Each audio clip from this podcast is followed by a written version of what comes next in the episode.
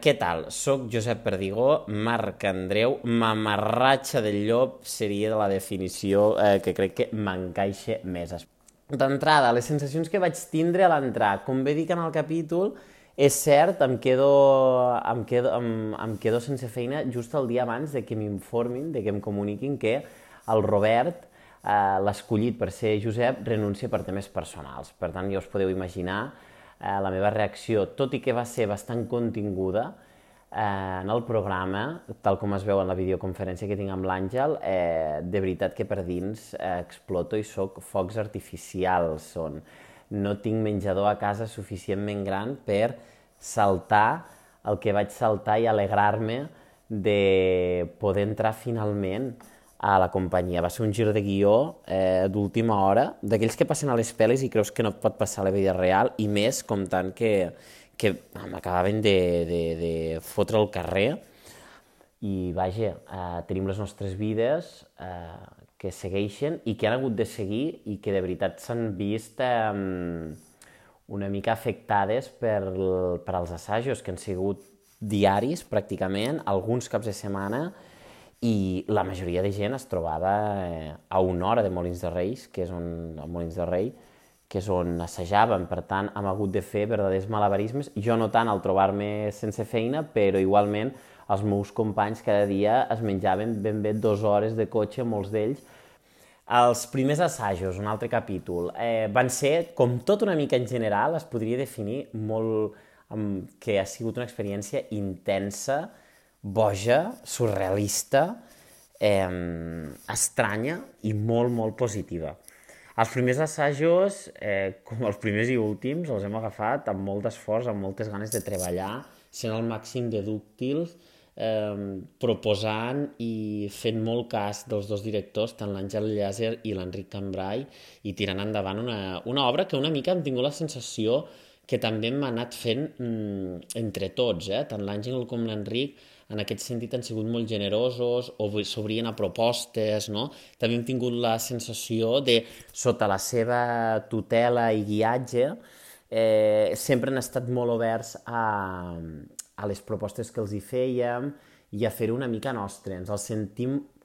molt nostre, més enllà del nostre propi personatge, tota la creació ens la sentim com una cosa molt col·lectiva eh, el més surrealista del, dels assajos, de tot aquest procés creatiu, va ser també el fet de que gent del teatre amateur eh, doncs de sobte ens veiem rebent un tracte i vivint un procés creatiu que era professional. Penseu que nosaltres estem acostumats a fer les coses amb una espardenya davant i l'altra al darrere i de sobte doncs, teníem un equip darrere que s'encarregava del muntatge, s'encarregava de la il·luminació, del vestuari, i s'ho prenia d'una forma molt professional, no? I això és al·lucinant per gent que a la vegada que som actors maquillem, ens encarreguem del vestuari, mirem que el foco de dalt no caigui, eh, ens han d'encarregar que a l'acabar els assajos d'anar a comprar el material que falta per pintar les parets de darrere i a la vegada dirigim i a la vegada ens encarreguem del càtering i a la vegada produïm els bolos. Perquè ara obro capítol vincle entre altres, mm, al laboratori es va fer un vincle molt maco, però en els assajos eh, s'ha creat un ambient tan còmode, tan bonic, mm, tan compromès, tant des de la solidaritat, la cura entre altres, que ja us dic, és el que us deia, eh? o sigui, el que deia en el programa d'ahir, eh, ben bé hi ha hagut pacte de sangre, jo els vull ja a dinar a Sant Esteve, aquesta gent. Som família, som família. I això és molt bonic, és molt bonic, perquè penseu que nosaltres portem els hàbits d'estar en les nostres pròpies companyies i en el meu cas, que és el grup Teatre Bat, i altres grups que he anat trobant, i aquí som una fusió de, de, de molts llocs, i és preciós, no? I també és una fusió de molts aprenentatges. Realment, eh, jo, jo sóc dels, dels, dels de dins de la companyia que crec que menys teatre amateur he fet. Eh, i aprens moltíssims perquè hi ha gent amb una trajectòria en el teatre bestial, d'anys i anys currant, dirigint, escrivint, que a la vegada que assajaven, com el cas del Llop i la Blanca, i la Roser, a la vegada que han assajat, han estat assajant les, el llop, terra baixa, han estat, a la vegada que assajaven i han assajat terra baixa, han estat assajant els seus propis els seus propis muntatges i això tenia molt mèrit i els caps de setmana venien a assajar i després se n'anaven de bolo eh, i això té molt mèrit i requereix de molta memòria i de coco. Què més? Després, eh, també ha sigut molt interessant mm, viure tot un procés creatiu de teatre allunyat de l'amateurisme del que estem acostumats, portant-lo al món professional, però a la vegada ser conscients de que estàvem gravant un programa de tele. Per tant, fèiem dos creacions a la vegada i això era com molt bèstia, no? Per gent que ens agrada molt la tele, ens és molt còmode i ens agrada, ens encanta, de fet ens excita, vosaltres sabríeu, sabeu el que em refereixo, però la gent que no està besada a la tele els hi desencaixava algun cop, no? Perquè era com ara per què hem de parar, per què sí, per què no? Al mateix Àngel Llàcer eh, li costava ubicar-se en el teatre, però a la vegada ubicar-se en un plató en els dies de rodatge, no? Perquè havíem d'estar pendent del so, de les càmeres, i ells manaven en aquell moment, no? I era com una mica estrany, però molt, molt divertit. Sempre ha sigut molt divertit, molt còmode treballar tant amb l'Enric com l'Àngel. Són dos estils de direcció una mica diferents, però sempre acabaven anant a la una eh, pel que fa als personatges. Eh, amb l'Enric, amb l'Àngel ho coneixíem una mica ja per la seva vessant de tele, però amb l'Enric hem, hem descobert un actoràs i un superdirector de teatre. Té moltíssima intuïció, és molt bo, tenia els personatges molt calats i ens ha ajudat moltíssim a, a, construir el personatge des de zero. Mm, el laboratori ens va ajudar ja molt a, a tindre una base d'aquests personatges, però l'Enric li va acabar de donar, l'Enric i l'Àngel li acabaven de donar tot l'empac no? que necessitava tots els personatges perquè acabessin sortint com han sortit i fer-los brillar cadascun amb els seus matisos. Aquí al mig també, com tot el país, vam viure un brot de Covid que ens va obligar a parar una setmana. Crec que vam ser 5 o 6 positius. No sabem d'on ben bé va sortir, si de dins o de fora o qui el va portar, però ens va obligar a parar i ens vam espantar una mica. Tot i així vam sortir... Vam, vam tindre molta sort, crec, i ens cuidàvem molt, anàvem amb mascareta, ens fèiem testos d'antígens, o sigui que vam ser curosos perquè sabíem que ens la jugàvem molt i que només teníem el temps que teníem i que s'estrenava sí o sí, i que no hi havia, no hi havia possibilitat d'aplaçar-ho. Què més? Compadres, a veure, eh, la companyia us he explicat, jo he après personalment moltíssim de gent que, que són verdaders mestres del teatre amateur. Potser no són actors professionals, però són actors professionals del teatre amateur gent com el Pep, l'Alexandra, la Tuni la Roser, són unes bèsties que porten anys, anys i anys i anys en el teatre i se'ls nota, no? I això et retroalimenta moltíssims i aprens molt d'ells. Només veient-los, com,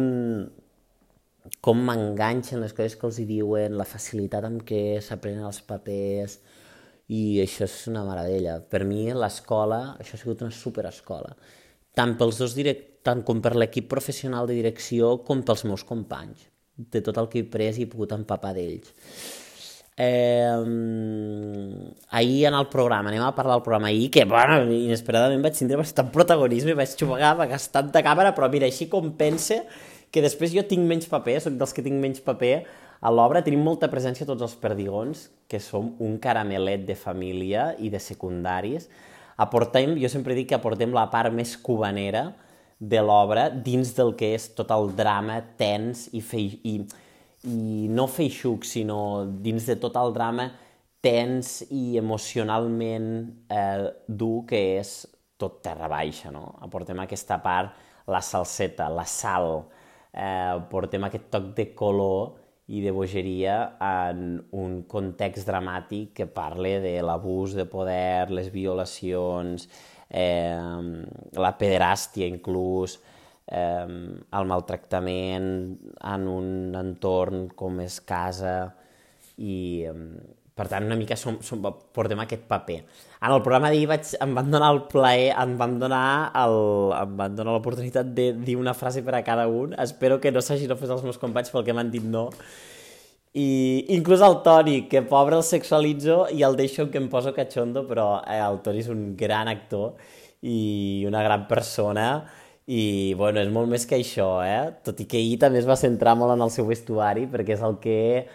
ensenya més carne, perquè és la Maquero, significa d'aquest gran resort on l'Àngel ha volgut ubicar Terra Baixa, i això en altres vam ser els primers sorpresos i crec que sorprendrà moltíssim. És una obra amb moltíssim color, eh, molt colorista, molt, llumiso, molt lluminosa, malgrat el drama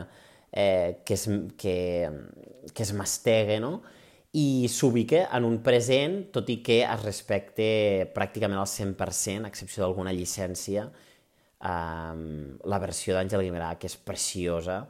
eh, i, que, i que evidentment no es podia massa alterar perquè l'Àngel Guimerà ho fa tot bé i aquesta obra és intocable, com està escrita, però ens prenem alguna llicència per ubicar-la en aquest context, que és un resort, l'Àngel va, va comentar que era un resort de l'Empordà, i que passa una mica tot al subsol, allí on es troba la bugaderia, i on es vindrien a netejar els trapets bruts del que hi passa a l'hotel, no? Els hotels tenen aquesta part, que tenen una faceta que és de cara al client, que sempre és impoluta, perfecta, és el resultat de, del que, del que acaba sortint de la rentadora, que és tot net, però abans s'ha hagut de rentar aquesta roba, i aquesta es renta a les office, allí on la gent es porta el tàper i es menja, on es critiquen els companys, on les rentadores, en aquest cas, mm, són, vindrien a ser la metàfora del molí que fa l'Àngel Guimerà, les rentadores es passen el dia rentant la roba, però no deixa de ser una metàfora de tots els draps bruts que es renten en els subsols de, del que a les feines hi ha, en una part és la façana i després el que és el que hi ha darrere, i una mica a les cases i en tots els, els àmbits de la vida hi ha una cosa que s'ensenya i després hi ha l'altra, que acostuma a ser la real i la sincera, que és el que passa darrere. I això s'ha volgut ubicar en, aquest, en aquesta bugaderia, en aquest subsol de l'hotel, on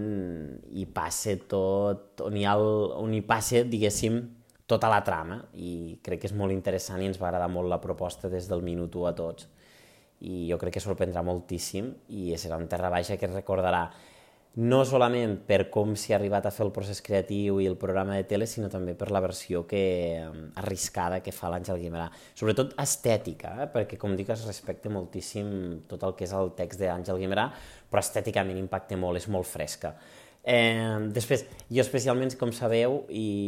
eh, ho diem algun cop, eh, som representants de Ponent en tots els sentits perquè estem molt orgullosos de tenir a la protagonista de Juneda de les Garrigues amb un parlar amb una variant dialectal preciosa com és la de les Garrigues. I després hi ha dos urgellents de pura raça com som l'Alba Segarra i jo. Eh, i per tant eh, estem com a molt orgullosos també del, de, de la selecció final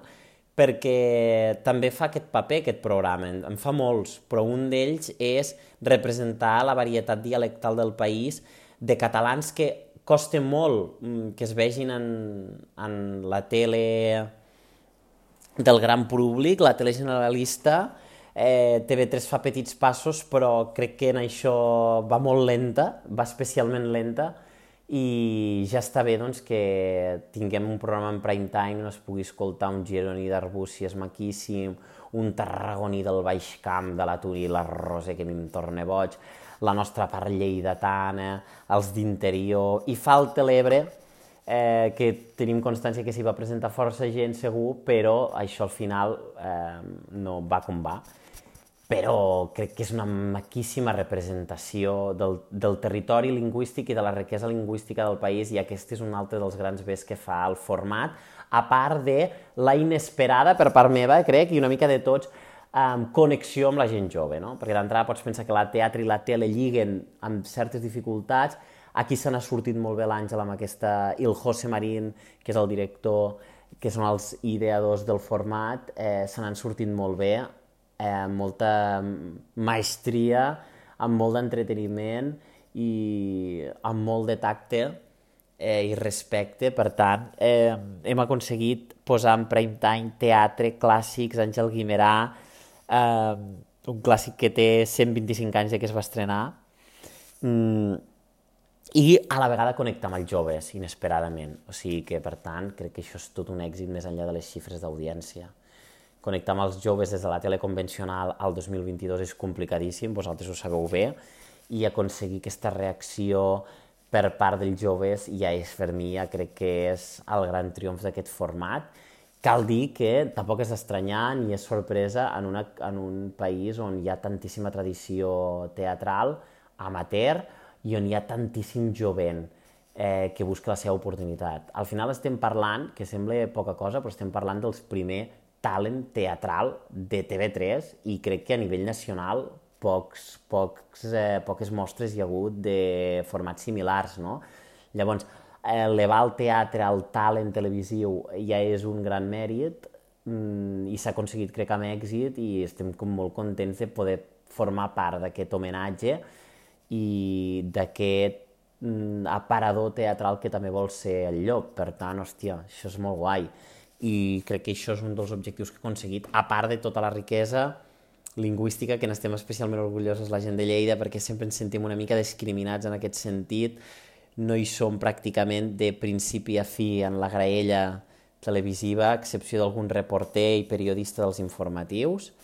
Eh, des d'aquí aprofito per reivindicar que la tele s'ha de... Eh, la tele catalana mm, li cal molt més d'esforç per mm, visibilitzar i fer doncs, donar pes a altres variants dialectals més enllà de la central o oriental, que seria la de Barcelona.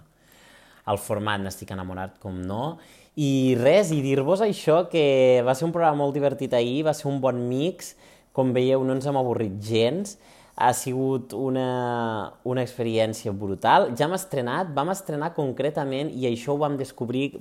de forma casual, vam estrenar el mateix dia que es va estrenar per primer cop a Tortosa, Terra Baixa, fa 125 anys. I això, si no és una senyal, mmm, no sé què pot ser ja. Uh, va ser meravellós saber que uh, vam estrenar el mateix dia, que va ser el 7 de febrer, estrenava el mateix dia que feia 125 anys es va estrenar per primer cop a Tortosa, a Terra Baixa, aquest clàssic d'Àngel Guimerà. Espero haver-vos respost un munt de coses. Eh, espero que eh, seguiu el programa, a donar-vos les gràcies per l'atenció que li esteu posant, tota difusió és bona, eh, i res, que us llegim sempre tots, que ho sapigueu, i que llarga vida als formats novedosos que aposten per la cultura i des de la tele ens porten, ens enriqueixen culturalment i ens porten a espais físics, com són el teatre, i com en aquest cas serà. No us puc avançar molt més, sé que hi ha molts ajuntaments interessats, que la gira es farà segur i en principi, no sé si aviat, però en principi està prevista per la tardor i esperem moure'ns molt per tot Catalunya i aprofito també aquesta, aquest espai que em doneu per animar animar moltíssim eh, els ajuntaments de Catalunya per portar aquesta obra que parla de temes universals, temes molt actuals, i que escolteu i que els actors estem tan entusiasmats amb la proposta que jo ja ho vaig dir, per exemple, a Targa, en el meu cas, jo ja em vaig proposar que la gent de Lleida, els tres actors per lo menys de la zona, no ens importaria anar a l'escola a fer un col·loqui, un col·loqui posterior, per fer-ne xerrades, per parlar de temes que ja us dic que són superactuals, Mm, i que, i que se n'ha de parlar, i que parlar des del teatre és un dels millors llocs on parlar temes que ens afecten al dia a dia. Eh, així que, companys del món de la tele, seguiu fent aquesta bona feina.